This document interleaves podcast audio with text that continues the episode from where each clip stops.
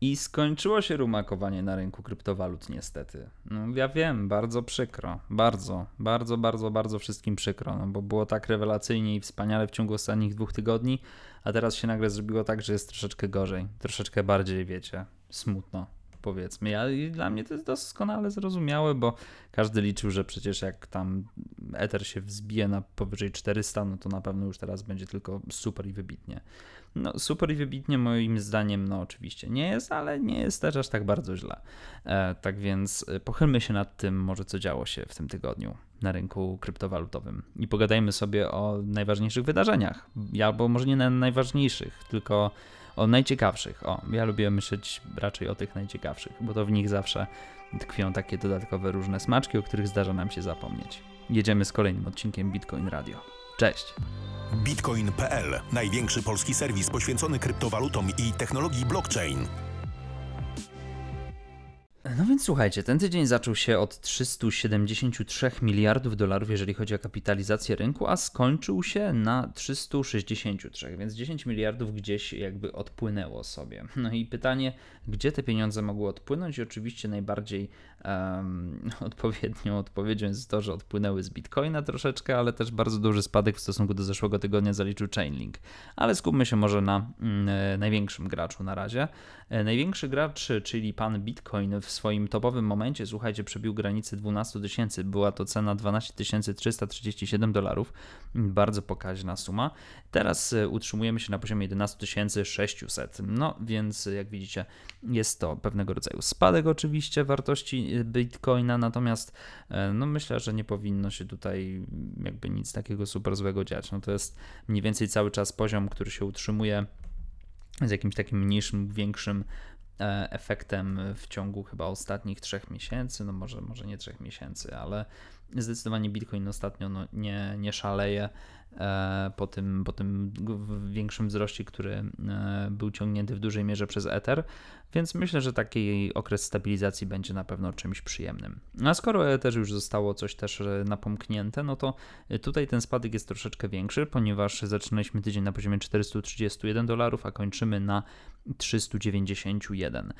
Ether, no właśnie, Ether bardzo dużo zyskiwał ze względu na to, że ten raid jego został zapoczątkowany tym, że temat DeFi zaczął zyskiwać bardzo dużo na popularności i oczywiście w ciągu z ubiegłego tygodnia było mnóstwo wiadomości o DeFi i wszyscy, w ogóle wszędzie wszystko było o DeFi. No i DeFi jakby y, już y, chwilowo przestały się rozpędzać albo przestały pędzić tak bardzo jak pędziły do tej pory. Teraz stoją na trochę innym poziomie e, pewnie te projekty, no, może nie stoją, nie wiem, nie wiem, dobra, szczerze to nie mam pojęcia, czy stoją, czy nie stoją. Natomiast no, cena Etheru też gdzieś spadła w ciągu ostatniego tygodnia, więc ten hype train powiedzmy chwilowo się zatrzymał. No, pytanie pozostaje jak zawsze takie samo, czy to jest hype train, który się zatrzymał na stałe, czy jednak jest to po prostu jakaś stacja, stacja przesiadkowa i trzeba będzie chwilę poczekać. Także Ci, którzy są niecierpliwi, to na pewno sobie już ostrzą zęby na to, żeby było więcej pieniążków, więcej pieniążków, więcej zysków, no ale mm, ci nieco bardziej cierpliwi i rozsądni inwestorzy myślę, że jak najbardziej będą pamiętali o tym, że trzeba po prostu się troszeczkę wstrzymać. A tymczasem porozmawiajmy troszeczkę o tym, co może zrobić Bitcoin, bo Bitcoin, jak wiecie, może zrobić, przepraszam, nie Bitcoin, blockchain. Co może zrobić blockchain? No blockchain może, słuchajcie, zrobić dużo dobrego, jeżeli się go w odpowiedni sposób zaimplementuje w dobrym obszarze. Tak się składa, że tym razem blockchain może pomóc w walce z podróbkami. To myślę jest całkiem ciekawy temat, który dotyka nas cały czas w zasadzie. Nie wiem, jak często wybieracie się nad polskie morze, e, ale można tam e, bardzo często zobaczyć, jak bardzo dużo podrobionych towarów najróżniejszego rodzaju znajduje się na ulicy. I najczęściej są to podróby oczywiście perfum, są to podróbki zabawek i są to oczywiście podróbki um, ciuchów najróżniejszego rodzaju. Wszystkie Adidasy, wszystkie e, Emporio Armani wszystkie Calviny Kleiny, które tam widzimy, no najprawdopodobniej e, myślę, że testów jakościowych e, by nie przeszły, a tak samo również nigdy z tymi oryginalnymi markami nie miały nic wspólnego. Jak możemy się dowiedzieć e, z informacji podanej przez e, Polską Agencję Prasową, w kontrolach realizowanych bezpośrednio na granicy znaczna część podróbek i towarów pirackich jest zatrzymana przed wprowadzeniem do obrotu. Kasy realizuje też działania kontrolne na targowiskach, w magazynach czy hurtowniach. W ten sposób chronimy prawa producentów i dbamy o bezpieczeństwo konsumentów. No, okej, okay, dobrze, dobrze. Od stycznia do lipca, słuchajcie, zaliczono prawie 300 interwencji związanych z um, zarekwirowaniem podrobionych towarów i te podróbki w sumie były warte 27,5 miliona złotych. E, więc jak widzicie, skala tego procederu jest gigantyczna. A mam wrażenie, że nawet jeżeli spora część tych towarów jest zatrzymywana, to ilość tego, co przedostaje się cały czas do naszego kraju i czym się handluje tak naprawdę na ulicach cały czas, no jest to wręcz niewyobrażalna ilość. Co jest podrabiane najczęściej? Odzież, zabawki, sprzęt sportowy, kosmetyki, papierosy, zegarki, biżuteria, galanteria i sprzęt elektroniczny. Ponadto służby przejęły nieoryginalne wyroby medyczne, które nie spełniają wymagań obowiązujących w Unii Europejskiej. To y, ten ostatni punkt jest myślę szczególnie groźny, no bo oczywiście alternatywny obieg leków istnieje na pewno. Natomiast no, jeżeli ktoś tutaj korzysta z tego typu preparatów, które nie są w żaden sposób certyfikowane, no to oczywiście może dojść e, w tej sytuacji do tragedii. Już nie chodzi o to, że ktoś po prostu kupuje towar, który jest nieoryginalny, tylko może realnie kupić coś, co po prostu zagrozi, e, zagrozi zdrowiu. Co natomiast może robić w tej sytuacji blockchain? I to jest ta część jakby najbardziej istotna, najciekawsza. Chodzi o to, że rejestrów blockchaina nie da się podrobić. To jakby wszyscy wiemy. To daje ogromne możliwości. Producenci mogliby na przykład dodać do produktów. Tak chip NFC, Near Field Communication. Ten można byłoby zeskanować za pomocą smartfona. Zawierałby on dane o źródle pochodzenia i przebytej drodze od producenta do konsumenta to nie tylko zabezpieczenie przed piratami, ale też narzędzie, które pomoże monitorować drogę, jaką produkt przebył, nim trafił do sklepu. Ostatni raport EUIPO pokazuje, że problemem piractwa jest, problem piractwa jest gigantyczny i wcale nie maleje. Zjawisko nie, sprawdza, nie sprowadza się tylko do produkcji przedmiotów przez nikomu nieznane firmy i nakładania na nie zastrzeżonych znaków towarowych. Nielegalne wyroby powstają także na nocnych zmianach w legalnych fabrykach. Dlatego oprócz rozwiązań prawnych potrzebne są również innowacje technologiczne. No właśnie, bardzo ciekawy temat. Tylko pytanie, czy jakby te chipy NFC. Mm, czy to jest rozwiązanie, które e, powiedzmy będzie w stanie w wystarczający sposób e, chronić powiedzmy produkty? Bo chodzi o to, że e, z jednej strony oczywiście kwestia tych podróbek jest jakby istotna, jakby jest dużym problemem takim, jeżeli chodzi o oszukiwanie, oszukiwanie klientów, konsumentów, ale ostatecznie też no, po prostu na te produkty jest bardzo duży popyt sam w sobie, więc Mm, wydaje mi się, że to jest też taki jeden element. No, chipy NFC y, miałem jakby styczność już z jednym projektem, który miał tworzyć jakby takie rozwiązania, rozwiązania blockchainowe oparte o chipy NFC e, dla, dla towarów luksusowych i nie tylko luksusowych, ale właśnie też takich jak buty na przykład. No i mi zawsze gdzieś tam jakieś takie czerwone lampki się powiedzmy zaczynały świecić, na ile nie będzie możliwe podrobienie samego chipu na przykład. No to jest myślę faktycznie bardzo duża zmiana technologiczna, która jest wymagana w przypadku wprowadzenia takiego rozwiązania, także no, kciuki słuchajcie trzymane zawsze są za dobre inicjatywy, a jeżeli chodzi o walkę z piractwem, walkę z podróbkami, no to myślę, że jest sporo jeszcze działań, które mm, trzeba zdecydowanie wykonać, zwłaszcza jeżeli chodzi o ten obszar jakby tych produktów produktów e, fizycznych, ale również oczywiście też jeżeli chodzi o produkty cyfrowe, ponieważ tam kwestia piractwa jest również e, takim elementem, który zdecydowanie się pojawia, no i też boli, boli e, pracowników, przepraszam, wydawców, producentów, ale też ostatecznie osoby, które na samym końcu użytkują te produkty cyfrowe, czyli samych, prawda, konsumentów. Dlatego zobaczymy, w którym kierunku to sobie pójdzie. No, jest to myślę bardzo interesujący i ciekawy temat dla każdego, kto e, nie chciałby być oszukany po prostu w żaden sposób. IRS e, chce, by użytkownicy Bitcoina ujawnili się przed skarbówką. Zgodnie z nowym projektem Agencji Podatkowej USA, każdy Amerykanin składający zeznanie dotyczące jego dochodów uzyskanych w 2020 roku będzie musiał poinformować IRS, czy korzystał z kryptowalut.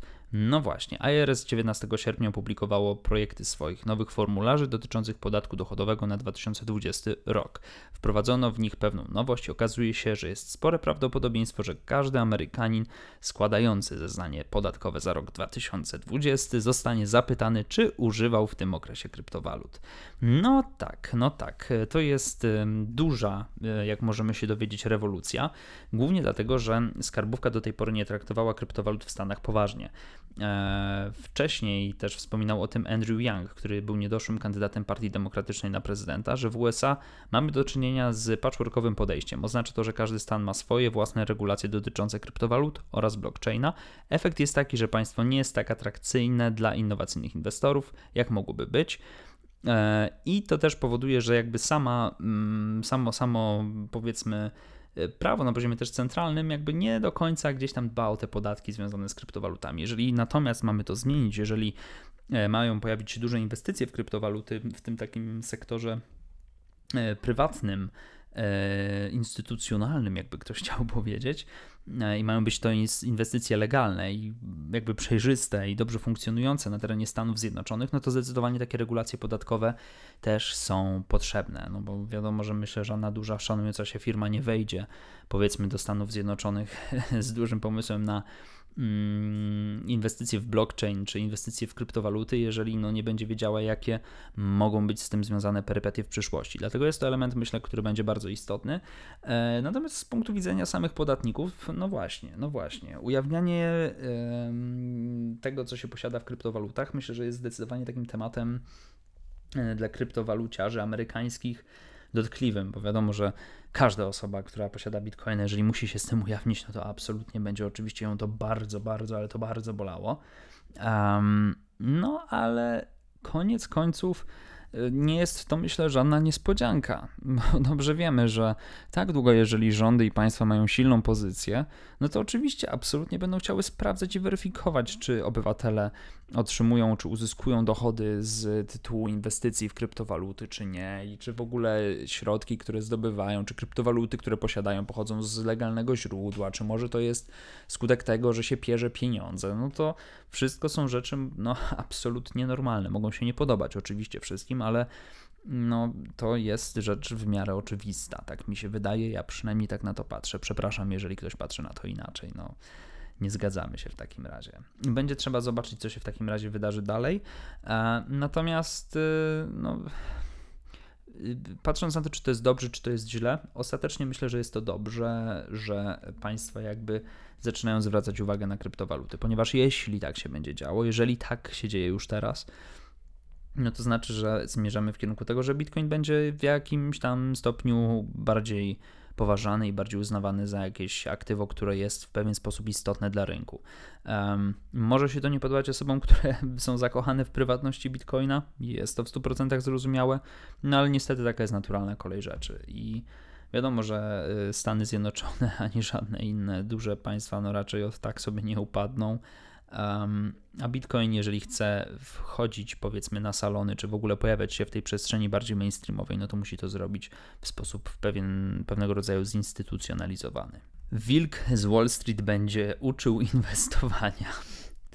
Eee, no jakby, no to jest, jakby, dobra, nie ma nic, nic więcej. W sensie jest trochę więcej, ale może dla osób, które się nie orientują, Jordan Belfort, czyli Wilk z Wall Street, który w 2013 roku um, stał się hitem kinowym, w sensie film o tym samym tytule. Wilk z Wall Street stał się hitem kinowym. E, to, to jest w ogóle postać prawdziwa. I Jordan Belfort, prawdziwy, mm, został skazany, dostał wyrok więzienia za to, że, e, że za, za dokonywanie oszustw finansowych e, związanych z giełdą. Mm, jak się okazuje, teraz Jordan Belfort będzie chciał korzystać z e, tej jakby okazji na odkupienie, tak to troszeczkę brzmi.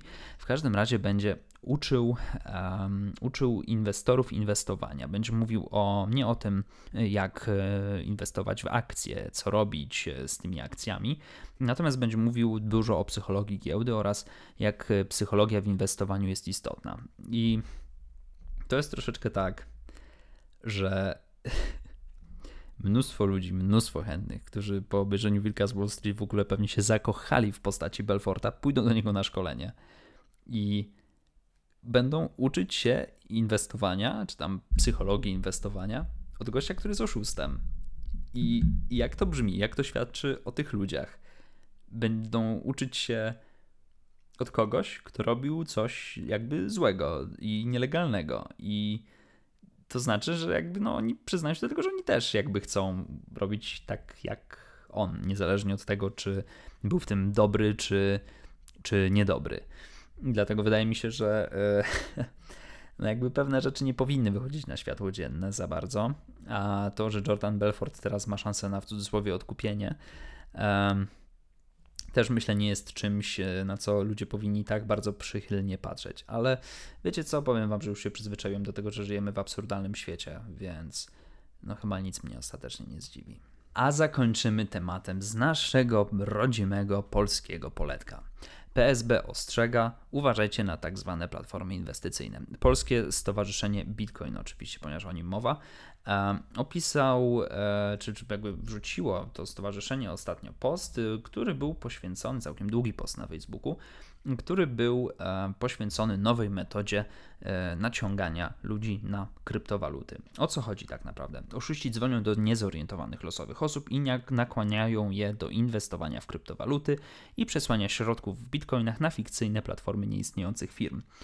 Um, Oczywiście osoby, które e, jak najbardziej są powiedzmy no, w różnej sytuacji finansowej, ale są omamione, są omamione wizją zysków, jak najbardziej udostępniają swoje dane do konta na przykład, e, udostępniają e, udostępniają swoje inne dane wrażliwe, czy po prostu przelewają pieniądze, ponieważ wierzą, że jeżeli ktoś dzwoni do nich z platformy i rozmawia za pośrednictwem telefonu, no to jak najbardziej ta osoba jest wiarygodna.